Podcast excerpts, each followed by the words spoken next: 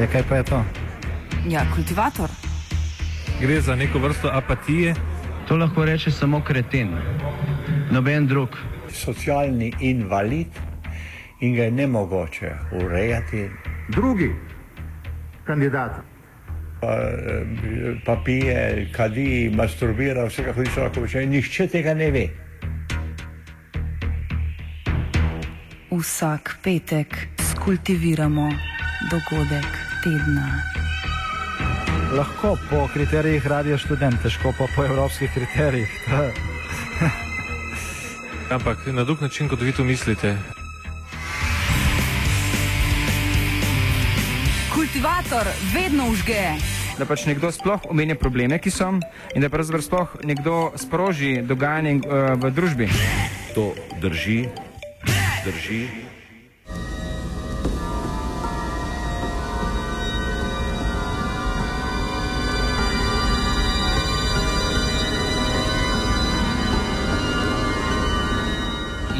Internacionalna posadka Greenpeaceove ladje Arctic Sunrise se je 18. septembra približala naftni ploščadi ruske naftne družbe Gazprom v Barencovem morju in sicer z namenom opozoriti svetovno javnost o tveganem črpanju nafte v arktičnem predelu Zemlje. Z gumenjaki so na to pripluli do ploščadi in dva od aktivistov sta se navezala na steno. Ruska obalna straža je odreagirala nenavadno hitro in precej brezglavo. Izstreljenih je bilo nekaj opozorilnih strelov v neposredno bližino gumenjakov aktivistov, čeprav sta se aktivista že spuščala nazaj na čovne. Oba je obalna straža prijela, drugi so se vrnili na ladjo Arctic Sunrise, vendar se je naslednji dan na njo spustila ruska specialna enota in jih s pomočjo orožja prisilila na kolena. Kasneje jo je obalna straža skupaj z aktivisti odvlekla v rusko pristaniško mesto Murmansk. Akcija je namreč za rusko pravosodje kazala na piratstvo.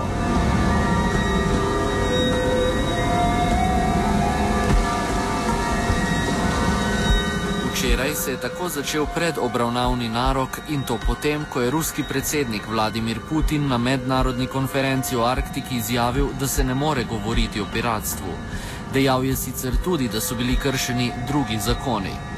22 aktivistom in članom posadke je bilo tako včeraj na sodišču v Murmansku dodeljen dvomesečni pripor. V tem času bodo preiskovalci odločili, ali so osumljeni res storili dejanja, za katere bi jih lahko obtožili piratstva. Grozi jim do 15 let zapora. Usoda preostalih osmih bo znana pojutrišnjem, ko jih doleti ponovna obravnava pred sodiščem. Govorili smo z Vladimirjem Huprovom iz Greenpeace Rusija. Za začetek o tem, ali so v Rusiji predtem že imeli podoben primer ravnanja oblasti. This is the first time when Russian authority reacted so aggressively and disproportionately to activity of Greenpeace. The last such aggression was in uh, middle of 1980s when the French Secret Service blew up the ship of Greenpeace International Rainbow Warrior in New Zealand. At that time, it was a big crime case against uh, French Secret Service, and since that time, there was no such violation and reaction like we see in the Barents Sea this September in Russia. So this was quite a unique situation, and we were very shocked.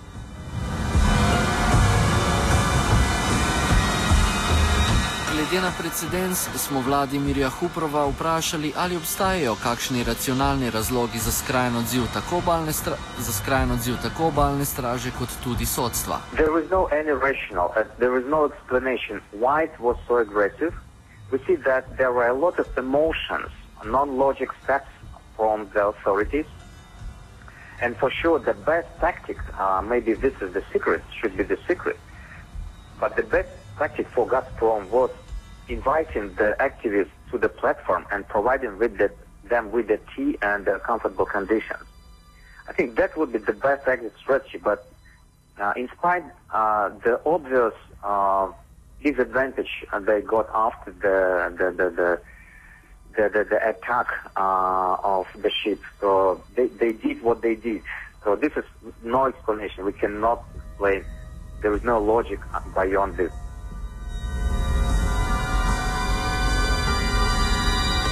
Kot smo že omenili, je ruski predsednik Putin na konferenci o Arktiki dejal, da ni šlo za piratstvo. Dejal pa je, da je bilo kršeno mednarodno pravo s tem, ko, akti, s tem, ko so se aktivisti približali ploščadi. Pogled Huprova na odziv Putina. Predsednik Putin je a very clear political signal regarding investigation and blaming uh, in piracy. But uh, de facto, uh, investigative committee didn't accept this kind of political signal. So we are very disappointed with this situation, and we see that the scenario uh, is getting worse because the Russian courts are very famous for its independent uh, of the authority, unfortunately. But do you think that uh, the um, President Putin was sincere, or did, there was some calculation, political cal calculation in his uh, in his words? Okay, uh, for sure, uh, uh, we think of that question, and we see that for President Putin, uh, there is no advantage, there is no profit to escalate situation around green Greenpeace. And in this situation, he does he does not need this kind of escalation. Uh, so that's why the, his statement was quite correct, and um, it was the best exit strategy for executive for investigative committee. Uh, so it means that uh, there is uh, kind of another forces in power uh, below Putin's level, where the decisions are made uh, by other people who are more independent from President Putin. So this is the only explanation we can provide now. Okay, still, President Putin uh, said also that there was illegal actions, not piracy, yes. but there were some other illegal actions. Yes, uh, there is some violation of Russian and national legislation from Greenpeace side, for sure. There was a violation of uh, some articles regarding uh, obey to Coast Guard uh, claim and ask. It was um, crossing the 500 meter secu- uh, safety zone around the platform. But all these kind of uh, uh, violation are under administrative code, meaning there is no any crime here.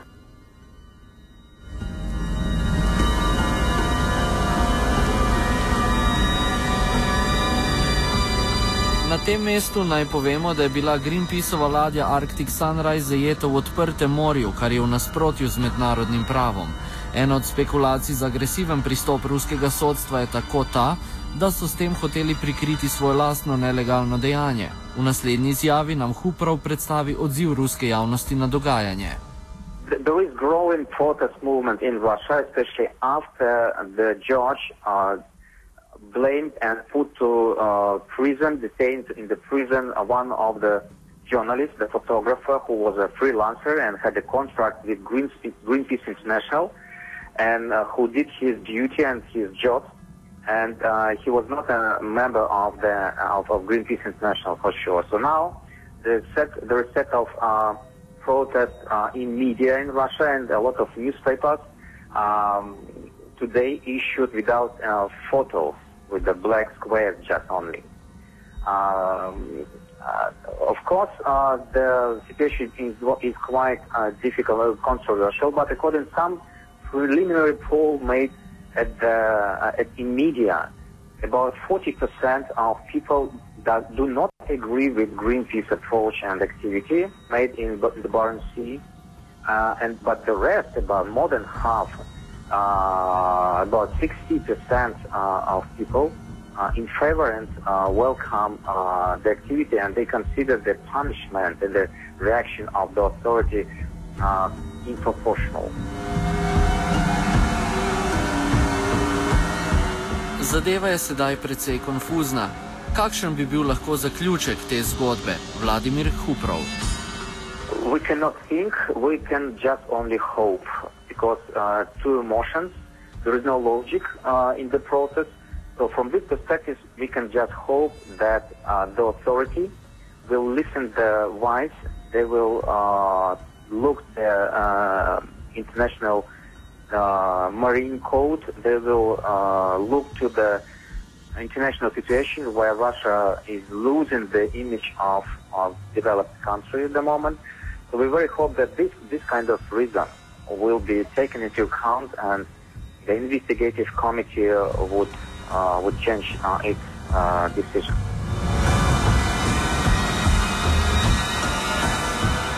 Na dogajanje so se odzvali tudi na Greenpeace Slovenija. Dejan Savič pravi, da tako črpanje kot samo reakcijo razumejo. Kot uh, skrajno početje, še posebej danes ob zavedanju novega poročila o podnebnih spremembah, uh, ki ugotavlja, da je nafte preveč in da če naj ohranimo stabilno podnebje, bomo morali večino nafte pustiti pod zemljo, ne pa uh, da gremo v skrajne točke planeta, kot je Arktika, uh, po nove količine nafte. Uh, no, posledično se je zgodilo, da so ruske oblasti uh, priprle uh, 30 uh, aktivistov, vključno z dvema zunanjima freelancerjema, fotografom in uh, videosnemalcem. Uh, in zdaj uh, so v preiskovalnem priporu, nekateri tudi do dva meseca, uh, da se preučijo obtožbe uh, piratstva, uh, kar je pač absurdno. Um, in uh, ker temu odločno nasprotujemo, eh, tako v Greenpeaceu globalno, kot v Greenpeaceu Sloveniji, kot tudi ogromno drugih eh, nevladnih organizacij, organizacij za človekove pravice, eh, za nenasilni protest, eh, bomo tudi v Sloveniji eh, pripravili eh, neko javno manifestacijo, eh, s katero bi radi upozorili eh, svetovno javnost eh, na nespremljivost eh, eh, zapiranja nenasilnih protestnikov. Eh, problem so eh, fosilna, problem je fosilna eh, industrija eh, in naftna podjetja, ki uničujejo eh, naš planet, eh, ne pa tisti, ki opozarjajo na to zgrešeno početje.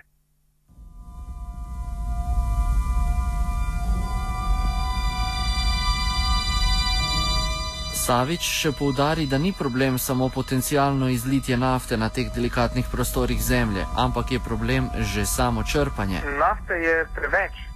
Mi eh, ne rabimo toliko nafte, mi moramo zmanjšati izpuste za 80 do 95 odstotkov v razvitem svetu, eh, kamor sodi tudi Slovenija. Eh, in mi bomo morali najti način, kako začeti uporabljati druge tehnologije eh, brez nafte. Eh, ne pa da črpamo nove in nove količine nafte, kot je recimo v tem primeru zdaj v Arktiki, eh, potem imamo na drugi strani Kanado, eh, kjer se gre v eh, ogromne površine starih gozdov, dela golosek in se pridobiva nafta iz katranskih peskov. Uh, potem globoko morsko črpanje na območjih, kjer se nikoli ni črpalo nafte, uh, kot je bilo recimo dve leti nazaj razlitje podjetja British Petroleum. Um, veliko razlitje, ki je uničilo lokalno ribištvo, m, pobilo ogromno vrsto uh, rastlin in živali. Uh, še danes uh, so posledice onesnaženja znatne in podjetje nikoli ni v celoti povrnilo stroškov. Um, za to uh, škodo. Skratka, da, današnji čas, ko se zavedamo podnebnih sprememb, ko nekako je vsa kritična javnost dojela, da so podnebni zanikovalci financirani strani fosilne industrije uh, in bi morali vse sile v to, kako zmanjšati izpuste toplogrednih plinov, kako zmanjšati svojo odvisnost od nafte, kako se izogibati tem konfliktom, ki so povezani z nafto. Uh, ne, mi dopuščamo, da globalna fosilna industrija še naprej uh, izvaja nove vrtine, postavlja nove naftne ploščadi, razširja nove fosilne projekte v premog. In to je nespremljivo in zaradi tega protestiramo.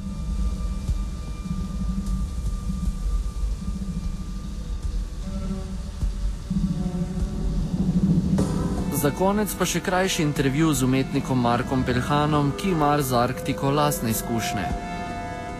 Če si bil na Arktiki, um, imaš izkušnje z tamkajšnjim okoljem, kaj se dogaja zdaj, recimo, v zadnjih 70 letih?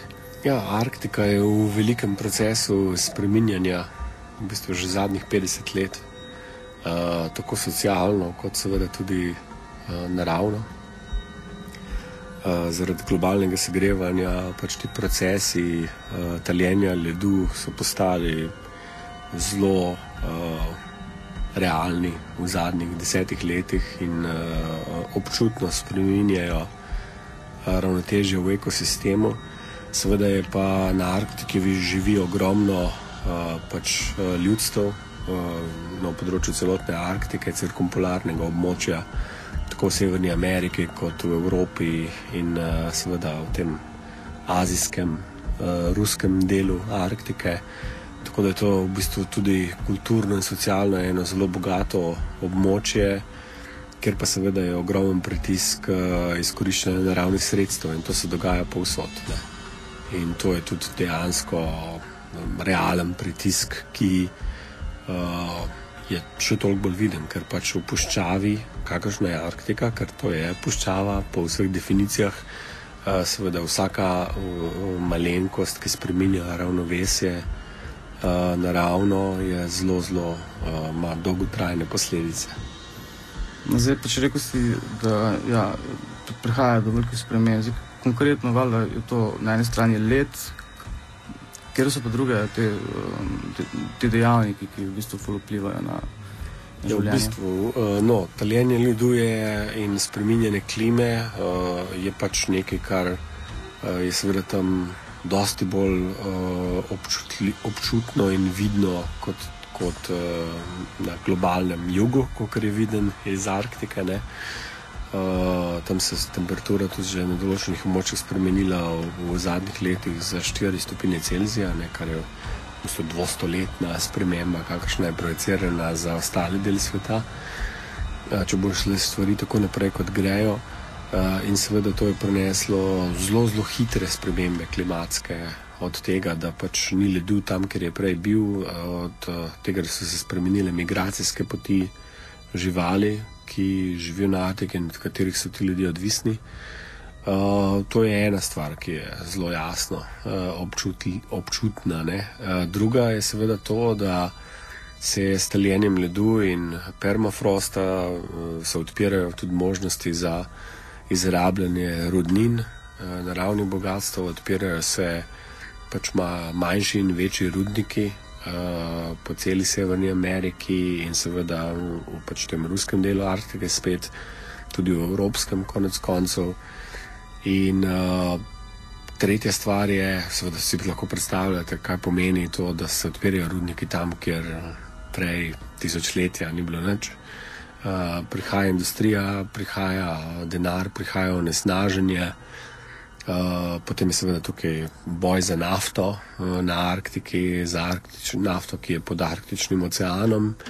Uh, in seveda zanimivo je to, da uh, naprimer, ni sploh nobene izkušnje, kaj bi pomenil izliv nafte uh, v takih vodah. Ne? In vse projekcije so, da ko bo do tega prišlo, ne če, ne? ker se bo zgodilo, bo to imelo katastrofalne posledice. Uh, uh, kot jih ima seveda tudi ja, spet na globalnem jugu, ampak še toliko bolj, ker pač je to nekaj, kar uh, so to snovi, ki v nizkih temperaturah uh, se seveda čisto drugače obnašajo kot v visokih, poleg tega je pa ekosistem tako uh, občutljiv. Ne?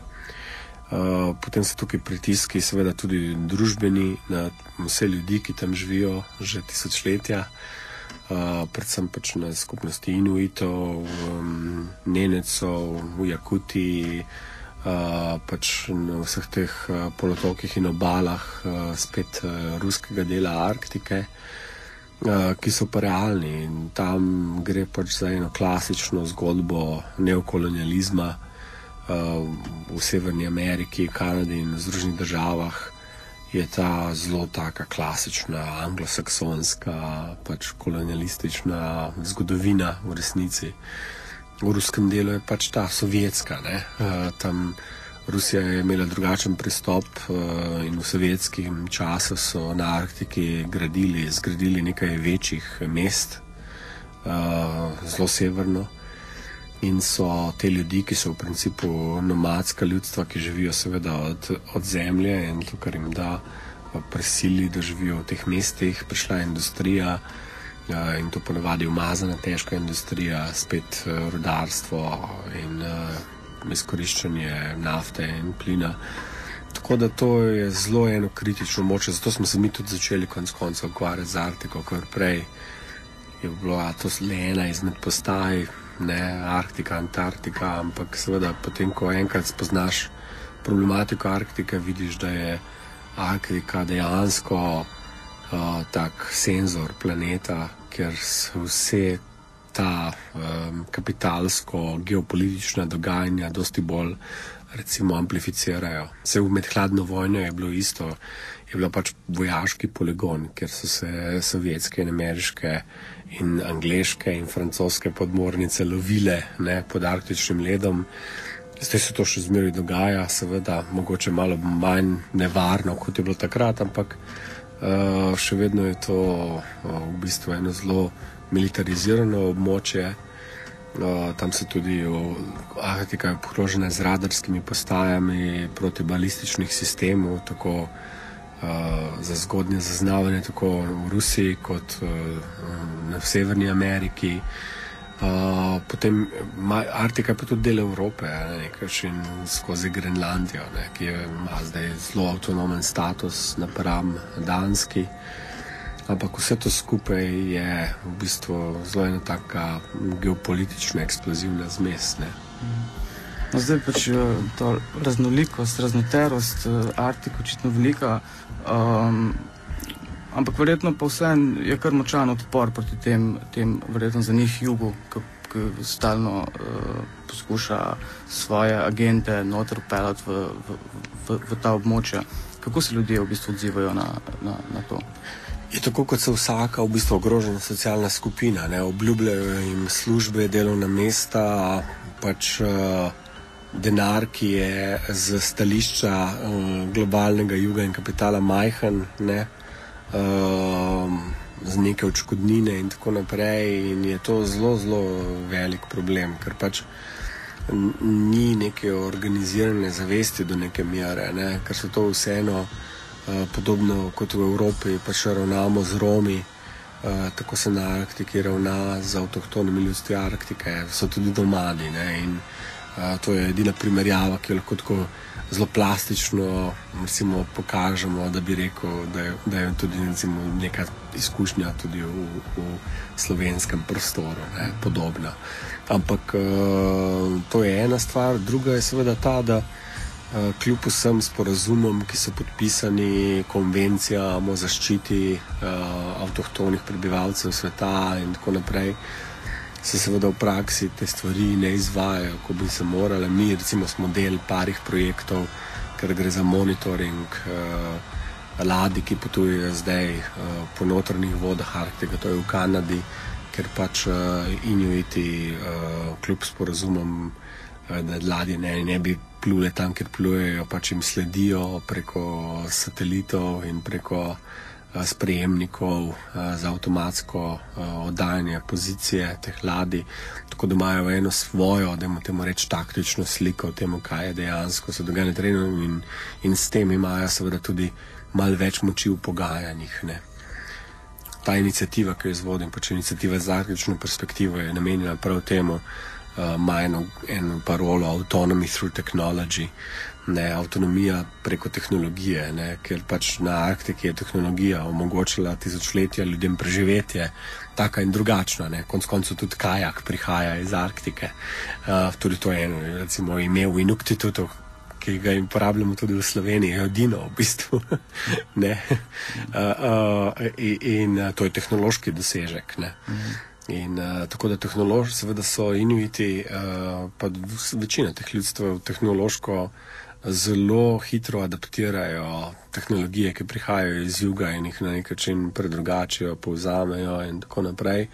Je pa dejstvo, to je, da to ni tako romantična slika, ker na drugi strani imaš pa čisto realen pritisk uh, z juga. Mi smo, na primer, doživeli eno bizarno situacijo, ker smo dva dni uh, pač čakali na uh, letališču v Ikaluitu, uh, na uh, sedež na avionu, ker so vsi avioni bili prepolni, ker so vozili uh, pač pločevinke, uh, Coca-Cola in Pepsi-Cola po teh mest, mestih, ker pač postaje čisto zasvojenost in je to za, za letalsko družbo in za vse te tako do, dobičkonosno, da ljudje lahko čakajo na letališču, znanstveniki, umetniki, kdorkoli, lokalni prebivalci. Uh, zato, da se Coca-Cola ali pa Pepsi pripeljete nekam. Ne. Tako da to je recimo čist tak praktičen primer, kaj se dejansko dogaja na Arktiki. Ne? No, prej sem omenil, eh, da ste um, na Arktiki um, imeli radio, ki je en boljših radio community mogoče kakšno besedo o tem. Ja, no, mi imamo tukaj sedaj radio študent, uh, ki ima on meni obratsko postajo v skoraj vsakem kraju, vsaj v, v kanadskem delu Arktike je temu tako. Uh, tam se je zgodil v 70-ih uh, v bistvu ena revolucija, podobno kot tukaj pri nas, ker so uh, pač manjši, uh, vsa te naselbine uh, dobile svojo radijsko postajo. In uh, Inuiti so uh, zahtevali, da če ne bodo imeli pač v svojem jeziku radia in kasneje tudi televizije, da je ne bodo imeli sploh. In so dosegli to, da je vsako, um, vsak majhen ta kraj, ne, po, v naših dimenzijah so to majhne vasi, ne, pač tisoč prebivalcev, če imajo to že vele mesto. Uh, v takem, takem kraju radijska postaja in konkretno v uh, Igluliku ki smo ga prvič obiskali, 2006, uh, smo seveda hoteli imeti program na radiju, uh, da bi pozvali uh, ljudi, da se mi pridružijo v našem predavanju. In tako in smo čakali tega človeka, ki je imel čez radio en dan, dva dni, to se reče inuitski čas, ne, ker ko je dobro vreme, vsi grejo ven na zemljo, loviti ali karkoli. In potem en večer sem se odločil, ok, bolj da gremo pogledat, gremo tja. In potem sem videl, da v bistvu so mi pol rekli uh, ljudje tam, ja ti pejdi, pa vklopi se, pa začnijo dajo. In dejansko je tako bilo, in je bilo to zelo super oddaja. Ljudje so klicali, jaz sem govoril z njim po telefonu, v živo, uh, v etru. In uh, to je v bistvu nekaj neverjetnega, da imaš radijsko postajo, ki je tako uh, prepletena v bistvu družbeno. Recimo, ljudje pokličejo na radio, pa uh, povejo svojim otrokom, ne pridijo domov na večerjo. In uh, seveda vsak teden je tombola. Um, predvsem pa imajo seveda tudi izobraževalne vsebine, uh, starešine, govorijo o tem, kako je včasih bilo, uh, razlagajo, kako se je včasih živelo. In uh, to je en velik del, uh, radio je zelo, zelo pomemben kulturno tam in politično, seveda, ne, je v bistvu glavni medij, ker internet je zelo počasen. Zdaj se nekaj spremenja, se vleče en v bistvu kabel, optični čez Arktiko na obeh straneh ampak to bo še nekaj časa trajalo, da bo Arktika se tudi no, v bistvu povezala s svetom na tak način. Seveda bo to spet spremenilo vse, ampak radio je zdaj tam res izredno, izredno močen in priljubljen medij in imajo glasbene oddaje, fantastične. Tako da je res uh, zanimivo postati. Predvsem pa je to, to, da lahko vsak pride pa ima svojo oddajo, če pač prost mikrofon, če nima slučajno kdo drug, kakor daje, pa jih če ni takrat isti slot. Ne. Tako da je to uh, v bistvu ta odprtost nekaj nevrednega, na kar seveda nismo navajeni.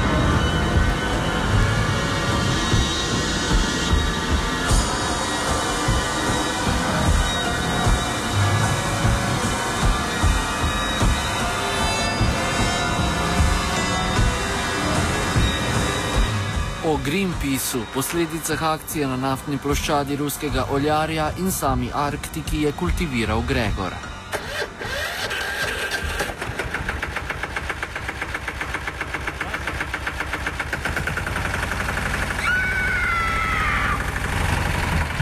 E, kaj pa je to?